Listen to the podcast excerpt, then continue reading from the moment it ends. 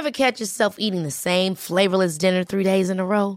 Dreaming of something better? Well, HelloFresh is your guilt-free dream come true, baby. It's me, Kiki Palmer. Let's wake up those taste buds with hot, juicy pecan-crusted chicken or garlic butter shrimp scampi. Mm. Hello Fresh.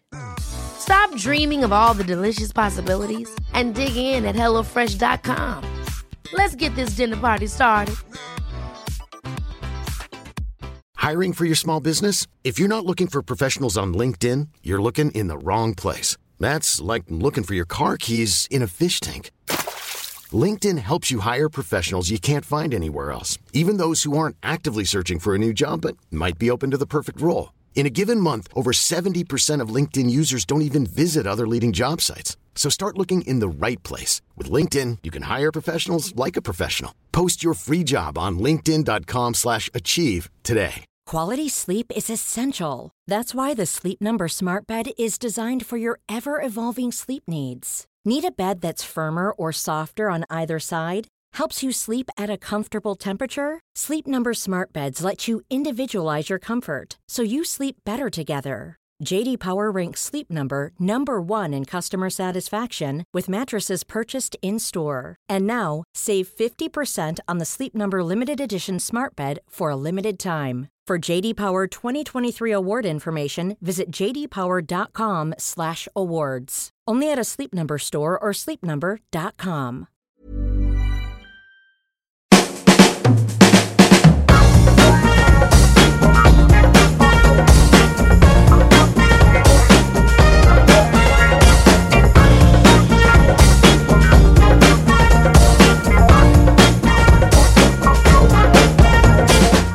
Välkomna till Health for Wealth, en podd om hälsa på arbetsplatsen. Det här är vår andra säsong, avsnitt 19. Jag heter Ann-Sofie Forsmark. Jag är hälsostrateg, civilekonom och hälsocoach. Jag heter Boel Stier och är kommunikatör och copywriter. Och i förra avsnittet då fick ni lyssna på ljudupptagning från vår workshop på Allt för hälsan-mässan. Som var en succé, tycker vi. Ja, vi är väldigt nöjda och väldigt glada för er som kom dit och alla som deltog och bidrog. Och eh, ja, Det var stort engagemang. Det var jättekul att, att vara med på det. Och eh, ja, vi, vi känner att vi, vi är nöjda med vår panel också, våra fyra gäster. mycket. Det är väldigt bra. Ja, vi behöver inte fastna i det, men vi kan ju faktiskt bara kort säga att när vi började podda så hade vi först tänkt eh, anordna live-events. Och, ja, så att, mm, det kanske kommer mer av den här varan. Ja, Ja, det, det får vi återkomma till. precis. Eh, jag känner att vi, jag är glad att vi har kört in lite på ett så här offentlig sektorspår den här senhösten, vintern. En av våra gäster på eh, workshopen var Josefin Gren som är chef för en hemtjänstenhet i Halmstad. Vi pratar mycket om eh, att kvinnodominerade yrken i offentlig sektor är mest belastade kan man faktiskt säga av hälsoproblem.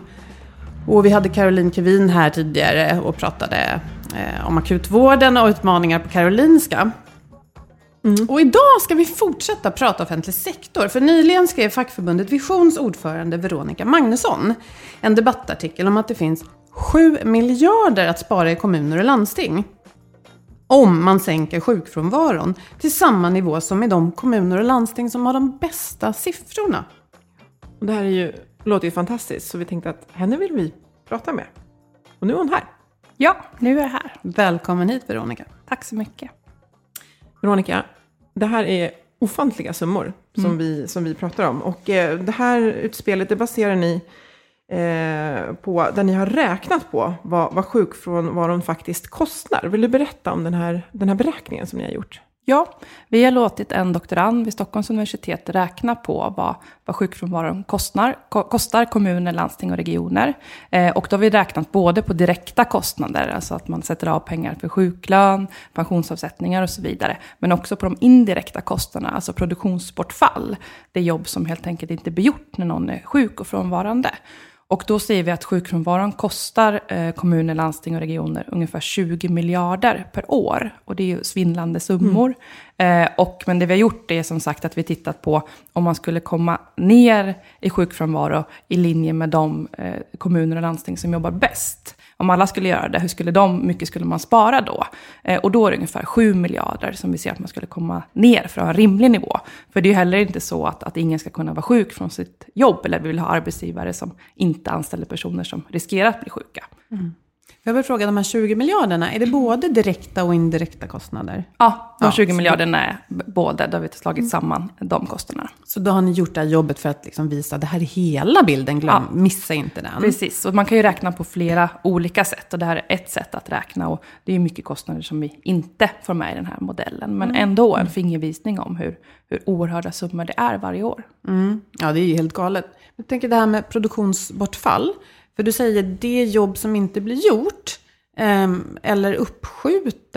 Ja, alltså, det beror ju på lite vilken typ av yrke som det är som är frånvarande. Mm. Men det är ju då eh, skattepengar som inte används för att det är någon som inte är på plats. Eller att man, det kan ju också vara så, det har vi inte tagit med i beräkningen, men att man måste anställa eh, vikarier eller att man eh, behöver kostnader för nyrekryteringar och så vidare. Det var det där jag fiskade mm. lite mm. efter också. Det har vi inte, utan vi har räknat bort alltså den, eh, den lönen för den som eh, liksom inte är där. Och det är ett jobb som skulle ha blivit gjort motsvarande den lönen om den varit på plats och man hade fått välfärd för de pengarna.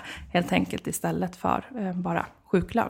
Mm. Jag tänker där att i ganska, nu generaliserar jag lite, mm. men i ganska många av de här typerna av yrkena så är det så att man faktiskt behöver sätta in en vikarie. Eh, för det är någonting som ska utföras. Jag tänker på en typisk konsultorganisation, där kan mm. det vara att i det korta spann, tidsspannet så kan det vara så att ja, men en person är borta och de andra liksom backar upp. Mm. Men i många eh, tjänster liksom inom, inom så här, vård, skola, omsorg till exempel, mm. så eh, det, det, måste in en vikarie. Så att mm. då är det ju också kostnader som ni inte har räknat på, säger du, mm. som vi vet är eh, ganska höga. För menar, mm. ja, Ja, men vikariekostnader, rekrytering, ja. eh, rehabiliteringskostnader mm. också. Så mm. det finns ju en, en rad kostnader som inte finns med. Så att eh, kostnaden är ju högre totalt sett, men det här är en modell för att visa på. Mm. Och bara, jag tänker jag måste förstå produktionsbortfall. Om vi tänker så här klassisk vård, eh, skola, omsorg, jobb, eh, förskola eller att man jobbar på ett sjukhus. Vad är då produktionsbortfall? Alltså förstår jag vad jag menar? Mm. Jag förstår ju att det kostar mm. att eh, fixa en vikarie, sätta in den personen. Mm. Eh, det blir ett extra arbete, det tar extra lång tid. Men vad är produktionsbortfallet? Ja, men det är helt enkelt att, att alla vi som jobbar inom välfärden är ju anställda för att, att göra en insats inom välfärden. Och sen om det är att, att eh, sköta administrationen så att man får journalanteckningar så att man kan kalla personer i, i rätt takt till vården. Eller om det är att, att handlägga eh, ansökningar om social, till socialtjänsten eller vad det än kan vara. Så blir ju inte den arbetsuppgiften utförd, åtminstone inte av den personen. Så att man får helt enkelt inte välfärd för, för pengarna under den perioden. Och det är det som är produktionsbortfallet. Och det, det kanske är lättare att jämföra med, med andra sektorer där det är liksom ännu tydligare att man producerar någonting. Mm. Alltså på en bilfabrik blir inte bilarna gjorda helt enkelt. Men, det, men att man där, och där behöver vi kanske titta mer på produktion och produktivitet inom välfärdssektorn och tänka vad, vad är det egentligen vi vi använder resurserna till. Mm. Eh, men så det här är en modell som är ganska vanlig inom ekonomin och räkna på inom andra branscher. Och då ville mm. vi applicera den på, på mm. välfärden. Det kan ju hjälpa med trovärdigheten också. Att mm. det, det, blir, eh, det blir någonting ganska konkret och någonting som man har testat tidigare. Och så, en modell som man känner igen när man ska visa det för någon som säger, men det där kan inte stämma. Jo, men det här är en vedertagen modell. Den har inte ni hittat på. Så. Nej. Så. Ja. Men det var intressant, ursäkta att jag repeterar här, men för att jag ska fatta och just mm. den här kontexten. att det är alltså vård som inte blev levererad till mm. någon den månaden. Ja. Eller ja, en förskolegrupp som fick färre eh, pedagoger mm. för att någon var sjuk. Ja, jag fattar. Jättebra. Bra. Eh, men tanken här är att man skulle kunna spara ungefär en tredjedel av den totala kostnaden. Mm. Eh, som idag då var 20 miljarder mm. per år igen, helt så här ofantlig summa. Man skulle vilja illustrera den på något, på något pedagogiskt sätt. Eh, men hur? Hur man kan spara de pengarna? Ja, ja genom att, att få ner eh, sjuktalen helt enkelt. Och då är det ju alltså den sjukfrånvaron som vi faktiskt kan förebygga. Och just nu så ser vi ju att, att de den sjukfrånvaro som ökar är ofta arbetsrelaterad. Att man ser att det är knutet till situationen på arbetsplatsen. Och allra främst så är det ju stressrelaterade besvär som har ökat och står för över hälften av sjukskrivningarna idag. Det ökar något oerhört just inom offentlig sektor och bland väldigt många av de yrkesgrupper som, som är med i Vision. Mm. Eh, och då menar vi på att om arbetsgivaren jobbade strategiskt med att sänka sjukfrånvaron så, så skulle man kunna sänka kostnaderna. Sen medför ju det såklart kostnaden i sig att jobba förebyggande, men det är ju ganska mycket roligare att lägga pengarna på, på förebyggande arbete än på sjukfrånvaro. För jag tänker där, eh, det var ju så att det här var ju friskyrken mm. eh, för inte jättelänge sedan egentligen. Eh, så, så jag läste någonstans, det var nog du som sa det, mm. att, att, så man kan inte säga att, att jobba inom den, här, inom den här branschen är kopplat till, utan det är någonting som har skett eh, under de senare åren. Vad, vad, vad vill du göra för analys där? Men i början av 90-talet var många av de yrkena inom välfärden friska yrken, de som låg, låg bäst till. Eh, och sen så har vi det sakta blivit sämre och sen med en ganska alarmerande utveckling de senaste åren. Eh, och där är det ju ett antal yrkesgrupper där vi kan se att, att kraven har ökat eh, i väldigt rask takt, men resurserna har inte ökat i samma takt. Eh, och då blir det ju en, en obalans i ens arbetssituation när man ständigt har en hög arbetsbelastning, man inte känner makt över sin situation och inte har kontroll i sin situation. Och det är ju faktorer som vi vet leder till, till sjukfrånvaro. Eh, och det handlar om eh, en ökad administrativ eh, förväntan. Vi, vi mäter väldigt mycket på korsen och tvärsen och det är bra att vi gör det, men vi har kanske inte följt upp på vilket sätt. Eh, vi inför eh, liksom digitala eh, möjligheter som, som bidrar till att utveckla yrken på vissa sätt, men vet också att det finns en, en ganska hög IT-stress. Eh, när vi gör undersökningar så ser vi att våra medlemmar lägger i genomsnitt 30 minuter per dag på IT-frustration. Alltså att man inte kommer mm. in i systemen eller att det laggar eller att det inte funkar.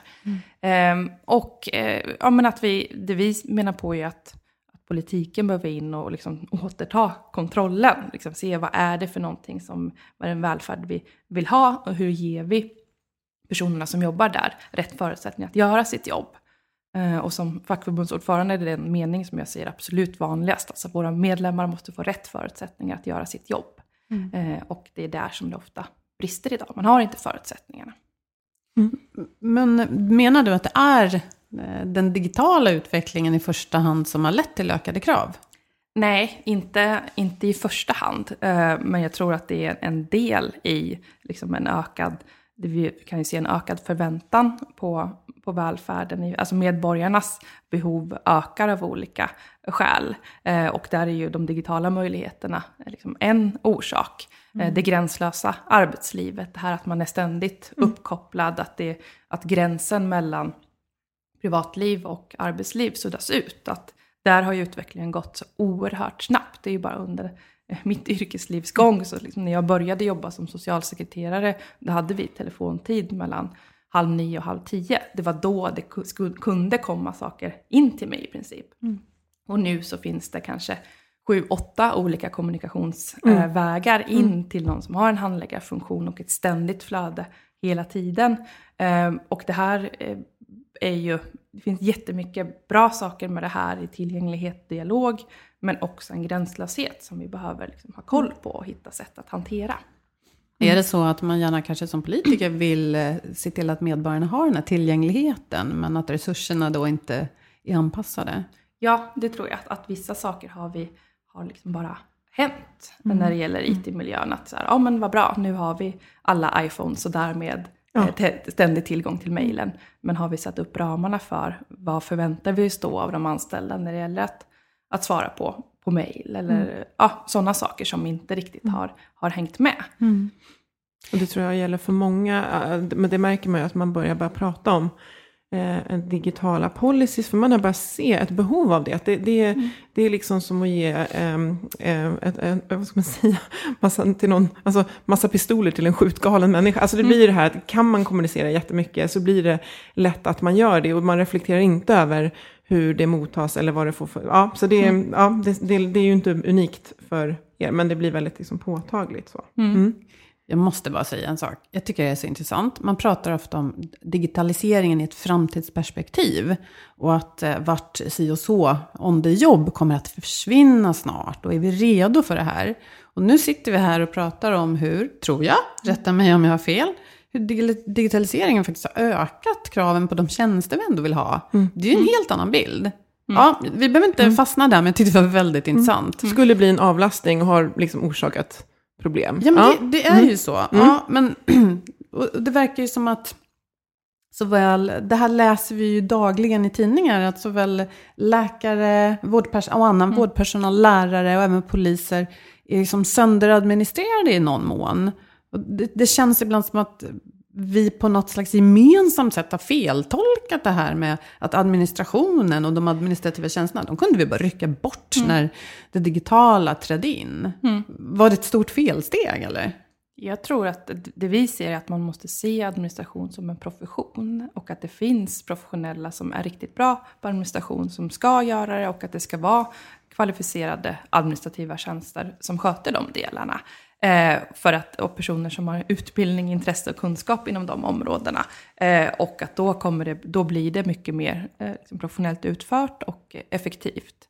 Eh, och där kan ju vi se att man har nedvärderat administrationen. Vi har mm. jättemånga medlemmar som, som har jobbat där och som så blir det så ja ja, det där kan vem som helst göra. Och så är det verkligen inte, eller att det skulle vara någon sidouppgift. Och det tror jag att vi har väldigt många yrkesgrupper, inte minst eh, läkarna till exempel, som mm. kan säga att det här inte är jag rätt person lämpad för. Mm. Och, eh, och där ser vi också att man måste ge de olika professionerna liksom utrymme att prata med, med varandra. Alltså de som är proffs på administration ska faktiskt kunna säga till en läkare till exempel, att du behöver göra det här för att administrationen ska funka på ett mm. bra sätt. Mm. Likadant som läkaren måste ha en dialog med de som jobbar med administration och säga att men, det här behöver jag för att kunna eh, utföra vården på ett bra sätt.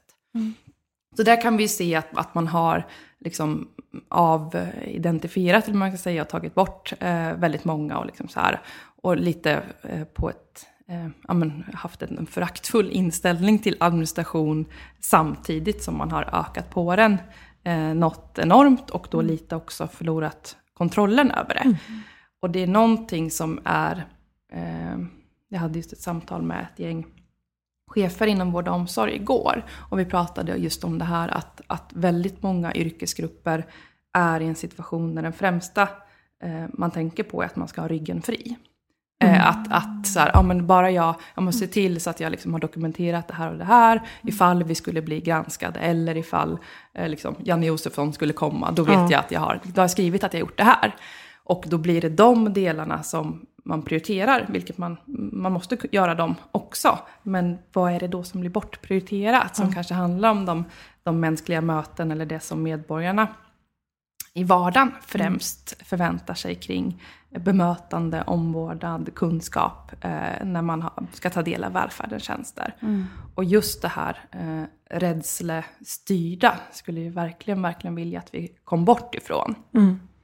Det var lite som vi skojade förr och sa att ja, eller jag vet inte om vi skojade, men vi sa att ja men USA det stämmer ju alla varandra. Så där mm. är ju läkarna mest intresserade av det här. Mm. Har vi hamnat i en sån situation av andra anledningar mm. kanske. Mm. Men det verkar ju väldigt, det är en väldigt eh, ledsam bild du ger tycker jag. Att, att varje individ nästan ska sitta där och vara orolig för ryggen fri. Det känns som en brist på samarbete i så fall ju ja, också. Ja, men, och det mm. tror det handlar om en, eh, men just när det gäller det här att känslan av att hitta balans eller kontroll, då blir ju det här väldigt så här, då hänger man upp sig på det här. Mm. Eh, att så här, ja, kunna ha dokumenterat och se till att det är gjort liksom, enligt de steg som vi har gjort. Mm. Och det finns ju många exempel på där man eh, jobbar mer liksom, med det kollegiala stödet eller man verkligen gör analys av vad behöver vi förstärka här för att det ska fungera på ett bra sätt. Mm. Eh, och det som också vill lyfta är att de allra flesta som jobbar inom välfärden är ju liksom oerhört stolta över sina jobb. Man vill göra ett bra jobb.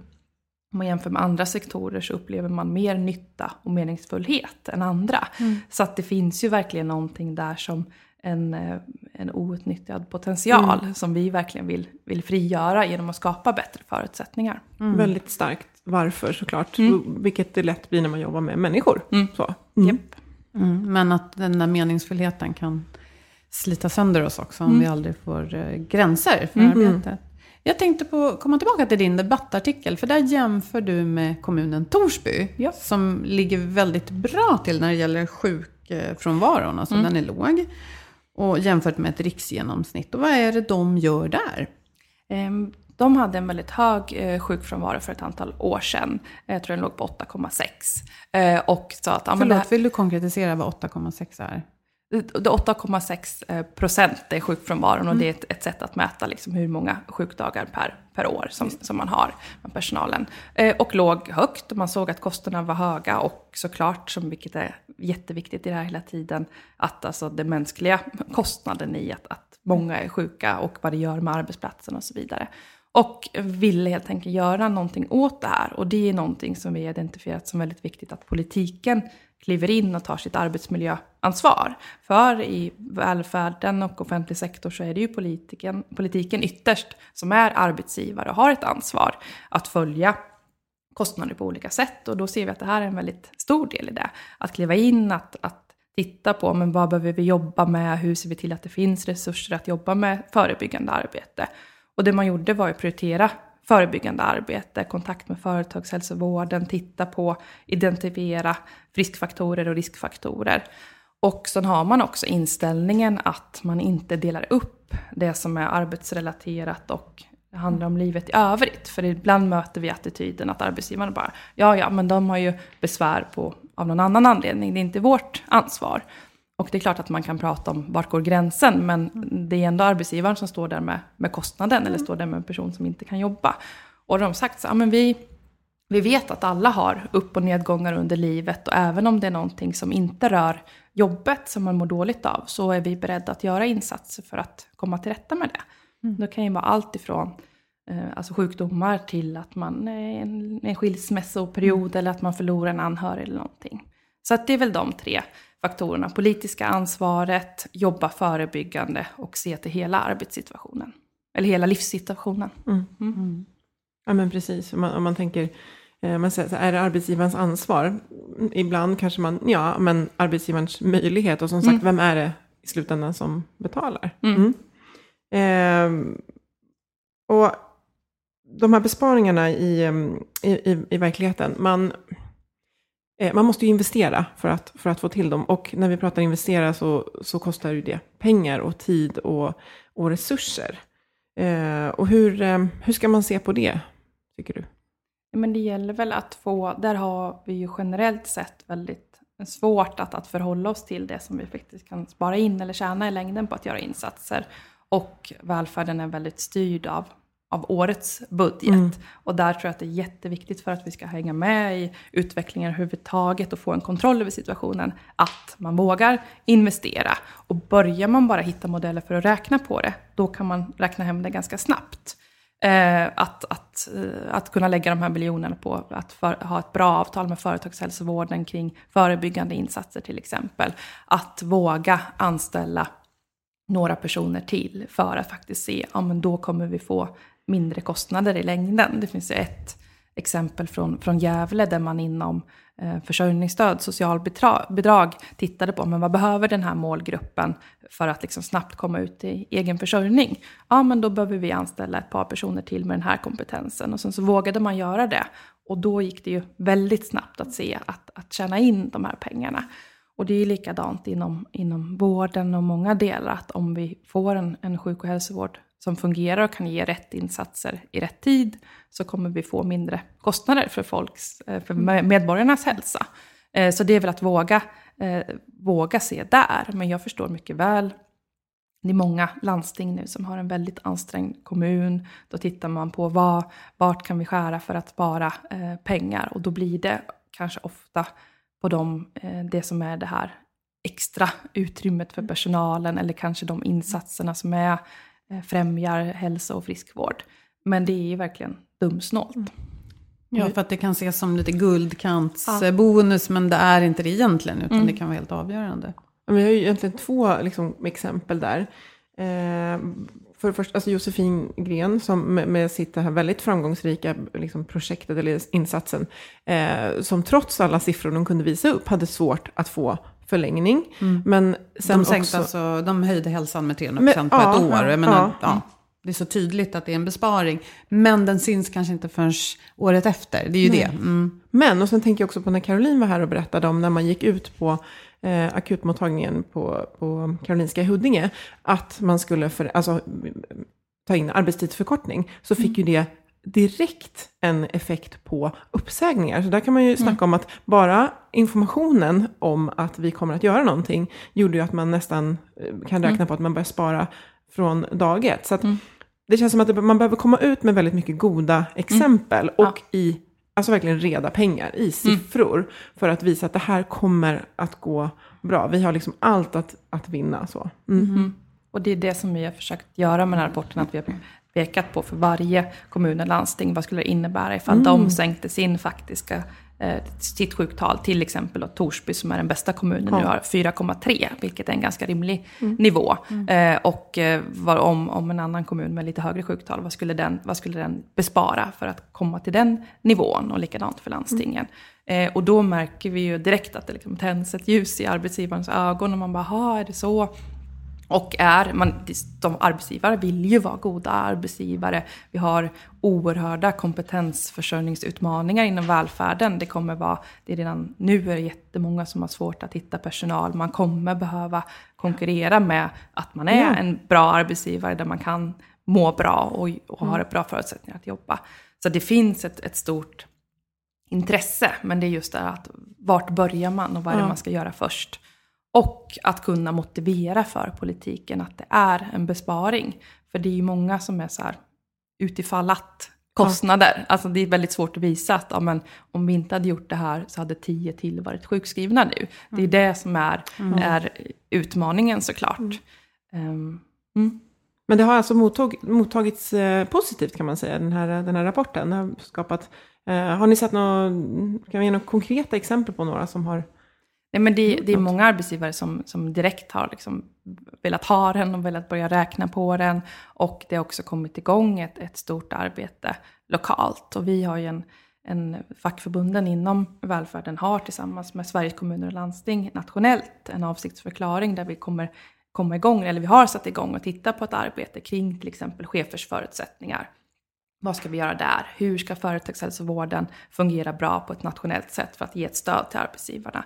Så att det, det, det finns ju en, en... Ingen tycker att sjuktalen idag är, är rimliga eller bra. Så att det finns ett intresse på kanske lite olika bevekelsegrunder, men ändå, eh, att, att komma framåt. Och, och just eh, traditionellt sett så är ju lön den hetaste fackliga frågan, men arbetsmiljö har verkligen seglat upp och jag märker i liksom dialogen med medlemmarna så där så är det den, en, den här frågan är det som engagerar allra mest just nu. Jag just såg i den här avsiktsförklaringen som du nämnde, bland annat att eh, ett normtal för antal chefer fanns med där. Och det har ju vi snuddat vid flera gånger, eh, inte nödvändigtvis eh, kopplat till offentlig sektor, utan just det här att är man fler än 30 medarbetare på en chef så är det som att be om höga sjuktal. Och, och då, när vi hade Josefin här så pratade vi om det också. Vad, ja, vad, vad ser du? Är det framkomligt? Hur, hur snabbt kan det gå att få ner stu, eh, storleken på grupper i offentlig sektor? Men för det första så tror jag att, att man måste inse att, att eh, särskilt vård och omsorg sticker ut. Det har vi låtit en forskare som heter Klara Regne titta på. Hon har tittat på hela arbetsmarknaden och antal medarbetare per chef.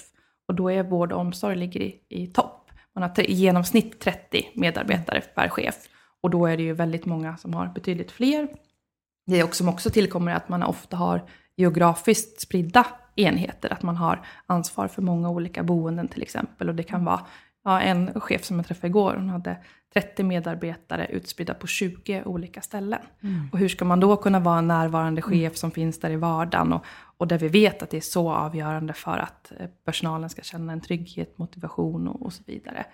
Eh, Så först insikten om att man har, det här är ett eftersatt område, man har strukturerat eh, vård och omsorg på ett annat sätt än resten av arbetsmarknaden.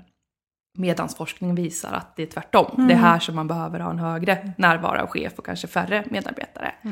Men det finns goda exempel. Eh, Västra Götalandsregionen har ju eh, sagt att man ska ha eh, minst 10 medarbetare per chef och max 35 tror jag de har sagt. Så att man har satt ett normtal där, att ungefär här ska vi ligga. Och jag vet att det finns andra som också har tittat på att ja, men vi, vi behöver komma ner i antalet medarbetare per chef och börjat jobba med det. Mm. Eh, och där har vi ju kanske också haft en debatt som handlar väldigt mycket om så här, ja, men det blev, behövs mer händer inom vården. Men också faktiskt kunna se att ja, men det behövs fler eh, chefer också mm. och, där, och, att man vågar eh, liksom, satsa på både administration och, och chefer för att se rollen i att det ska fungera på ett bra sätt. Mm.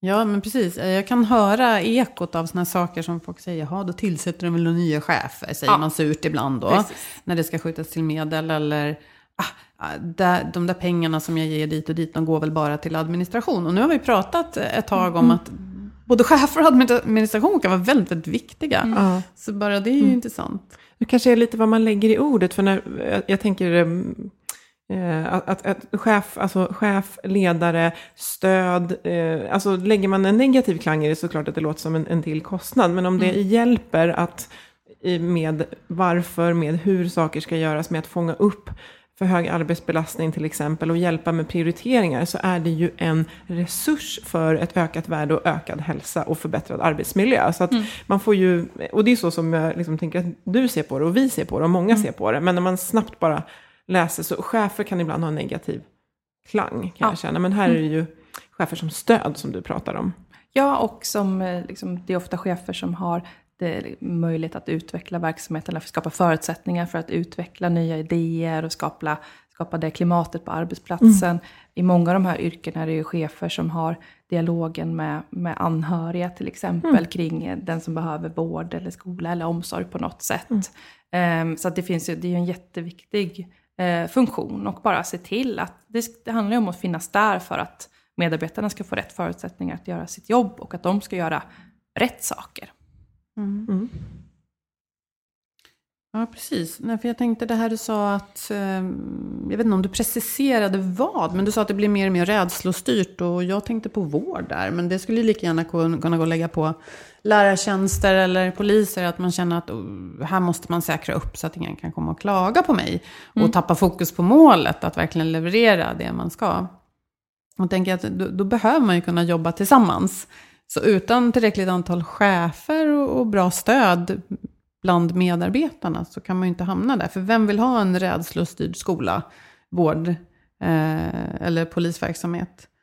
Ehm, så jag tror att eh, det här är lite nytt. Vi har inte pratat om att eh, upprätta administratören. Ja, jag, mm. jag, känner också att jag gick igång på det här med ja. effektiv administration. Att det, ja. det, det, ska tittas på med ganska så här, det här är lite häftigt, här kan vi göra enorm skillnad mm. med hjälp av digital. För det mm. digitala ska ju någonstans hjälpa oss, men det känns ju mm. som att vi bara jobbar mer, fast vi borde bli avlastade. Ja. Eh, lite så. Men du har också eh, pratat om en, en insats som handlar om krav och resurser. Eh, och att, att man här, nu får du hjälpa mig, men visst var det så att ni vänder er egentligen till Arbetsmiljöverket och vill ha deras hjälp för att skapa någon sorts verktyg för att kunna identifiera eh, krav och resurser och mm. obalanser där i. Eh, och där får du jättegärna komma med några exempel på vad man, vilka typer av resurser tittar man på, vilka typer av krav. Vi har varit inne lite på det. Mm. Men... Men det är ju att i många av de här yrkesgrupperna så finns det ju en, en gränslöshet. som handlar om men det Vissa saker kan vi mäta, men att man skickar in en ansökan och får ett svar via brev eller mejl eller sådär. Men sen kan det också vara så här, men hur, eh, vad ska ingå i ett, i ett möte eller ett samtal eller i ett bemötande? Eh, hur, vad ingår i att handlägga ett ärende eller att dokumentera på ett bra sätt? Vad är rimligt? Och där så ser vi att man behöver titta mycket mera på vad är förväntan och har man då resurserna att göra det? Både att det är tillräckligt många anställda för att göra det, men också att man har rätt administrativt stöd eller att ett IT-verktyg som faktiskt fungerar. Och det kan ju vara olika i olika yrkesgrupper, men till exempel för socialsekreterare kan det handla om att, att hitta ett mått på antal ärenden som är rimligt. Och då vet vi att ett ärende, eller liksom en, alla är olika, men att man kanske kan kategorisera då och säga att ja, men en person som är i behov av det här stödet, ja, men det då behöver man så här mycket arbetstid ungefär för att utföra det och den här kategorin så mycket och sådär. Och då hitta ett sätt att vikta antal ärenden och få ett normtal som gör att det inte bara höjs för att oj, nu fick vi jättemånga ansökningar så nu är det 80 per handläggare som är rimligt och året innan var det 60. Eller nu så måste vi spara lite så att ni får ta 90 ärenden istället. Att man får ett sätt, ja men då måste man också säga, ja men då kommer vi inte kunna göra samma insatser som förut. Mm. Eh, så dels kan det vara att, att göra den typen av, av insatser och annars kan det vara just det här att men vad är ett rimligt antal medarbetare per chef? Eller hur ska, mycket ska man hinna göra på en vecka? Och just också det här att, att mäta eh, allt som läggs på. För väldigt många mm. yrkesgrupper får ju mer och mer att göra utan att något plockas bort. Och det kan komma från väldigt många olika håll inom eh, det, att det kan vara myndigheter, att det är Socialstyrelsen till exempel som säger att men nu måste ni dokumentera det här också. Och sen så kommer det någonting från mm. en annan myndighet och det här bara kommer direkt in i, i knät på mm. den enskilde medarbetaren. Och det finns sällan någon som har kontroll på, oj, under ett år nu så har vi fått ett ökat dokumentationskrav mm. som faktiskt tar fem timmar till i mm. veckan per person. Hur hanterar vi det? Mm. Då har kraven ökat. Vad behöver vi plocka bort eller vilka resurser måste vi få till för att kunna hantera det på ett bra sätt. Eh, så att få in det tänket överhuvudtaget i organisationen är viktigt och sen att identifiera olika sätt att, att mäta och sen tillsätta resurser utifrån det. Och det är ju ett väldigt eh, konkret och alltså vedertaget, alltså krav, kontroll, supportmodellen, den, mm. den känner man ju igen. Och jag bara började se framför mig nu när du pratade, en, kanske en digital modell, men där man liksom lägger saker på den här vågskålen och bara kan se svart på vitt, att här är det för mycket krav, eh, resurserna är för små och vi behöver lägga in, men också hjälpa medarbetare kan man använda det här som ett verktyg och se, det här är dina resurser, det här är dina, ja, man kanske kan få, ja, det kan vara ett verktyg åt, åt alla håll, både mm. att tala om att här behöver vi mer resurser eh, och förtydliga. Ja, mm, ja för spännande. det är, ju, det är ju alltid väldigt svårt att säga att jag räcker inte till. Vi har ju varit inne på att prata mm. om det där och mm. ibland så glömmer vi också bort att prata i podden om obalansen mellan medarbetare och chefen. Att man, det finns en maktobalans och det är inte oavsett den alltid roligt att säga, men jag hinner inte med. Men har man tydliga förväntningar och krav så kan man ju säga, men hörni, det, det är faktiskt inte rimligt det här. Nej, vi behöver fler. Det är mm. säkert jätteviktigt. Mm. Mm. Jag tror vi skulle kunna prata väldigt länge till om det här. Det känns som att vi har fångat upp eh, några viktiga bitar. Mm. Eh, och det ska bli spännande att se eh, hur det här... Alltså det är ju en, en eh, vad ska man säga, alltså offentlig sektor, det berör oss ju alla. Mm. Vi kan inte säga att, eh, nej men för mig är det liksom inte, inte relevant, utan mm. det berör oss alla. Mm. Så det, det känns som att vi alla borde ha ett väldigt stort intresse av att det här blir, blir väldigt bra. Att mm. människor mår bra och kan prestera bra mm. som, som arbetar inom. Det skulle jag vilja lägga till, det är ju att jag verkligen ser behovet av att man får ett utrymme att prata om det här på arbetsplatserna. Och att vi kan verkligen se att så många av våra medlemmar, man är så uppfylld av det man ska göra. Så man pratar om liksom det, men man pratar sällan om sig. Och vad behöver vi på den här arbetsplatsen för att fungera bra? Och vi vill starta liksom Sveriges största dialog om ett mänskligt arbetsliv. Hur får vi en rimlig arbetssituation? Hur får vi ett arbetsliv där det hänger ihop och det är mänskligt? För just det här att man vill verkligen göra ett bra jobb, men man är ingen maskin. Alltså det går inte bara att trycka av eller på, utan att, att hitta sätt att hantera det här och att, att, få igång de samtalen på arbetsplatserna känns eh, både väldigt eh, liksom, roligt men också väldigt angeläget att få igång. Mm. Tack. Det låter som en, en bra plan för 2017. Mm. Tack Veronica. Eh, och det leder oss lite osökt in på vårt nästa avsnitt. För då är det jullov kan man säga, om man har lyxen att ha det. Och eh, då tänkte vi faktiskt framtids spana. Mm. Eh, vi tänkte spana lite inför 2017, vad vi både eh, tror och hoppas kommer mm. hända inom hälsa på, på arbetsplatsen. Det ska bli jättekul och vi tar nog med oss en gäst. Mm. Eh, tror vi. Mm. Det blir väldigt roligt. Mm. Men det säger vi inte mer om nu. Nej. Men det kommer, ja, det blir en överraskning. Ja. som alltid kommer bli väldigt roligt. Till dess är ni i alla fall varmt välkomna att diskutera med oss. Och gör det mer är ni snälla. Vi vill höra av er på Facebook, LinkedIn och vår hemsida healthforwealth.se.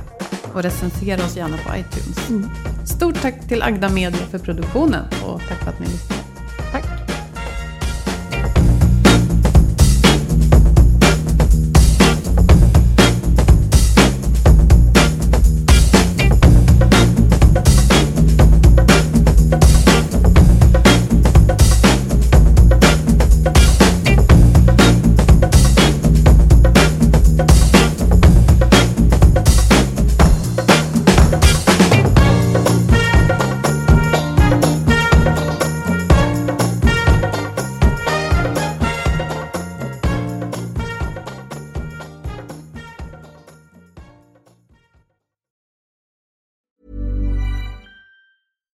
Catch yourself eating the same flavorless dinner three days in a row? Dreaming of something better? Well, HelloFresh is your guilt-free dream come true, baby. It's me, Gigi Palmer. Let's wake up those taste buds with hot, juicy pecan-crusted chicken or garlic butter shrimp scampi. Mm. Hello Fresh. Stop dreaming of all the delicious possibilities and dig in at HelloFresh.com. Let's get this dinner party started. Even when we're on a budget, we still deserve nice things. Quince is a place to scoop up stunning high-end goods for 50 to 80% less than similar brands. They have buttery soft cashmere sweaters starting at $50, luxurious Italian leather bags, and so much more. Plus, Quince only works with factories that use safe, ethical, and responsible manufacturing. Get the high-end goods you'll love without the high price tag with Quince. Go to quince.com/style for free shipping and 365-day returns. When you make decisions for your company, you look for the no-brainers. If you have a lot of mailing to do, stamps.com is the ultimate no-brainer. Use the stamps.com mobile app to mail everything you need to keep your business running with up to 89% off USPS and UPS. Make the same no-brainer decision as over 1 million other businesses with stamps.com. Use code program for a special offer. That's stamps.com, code program.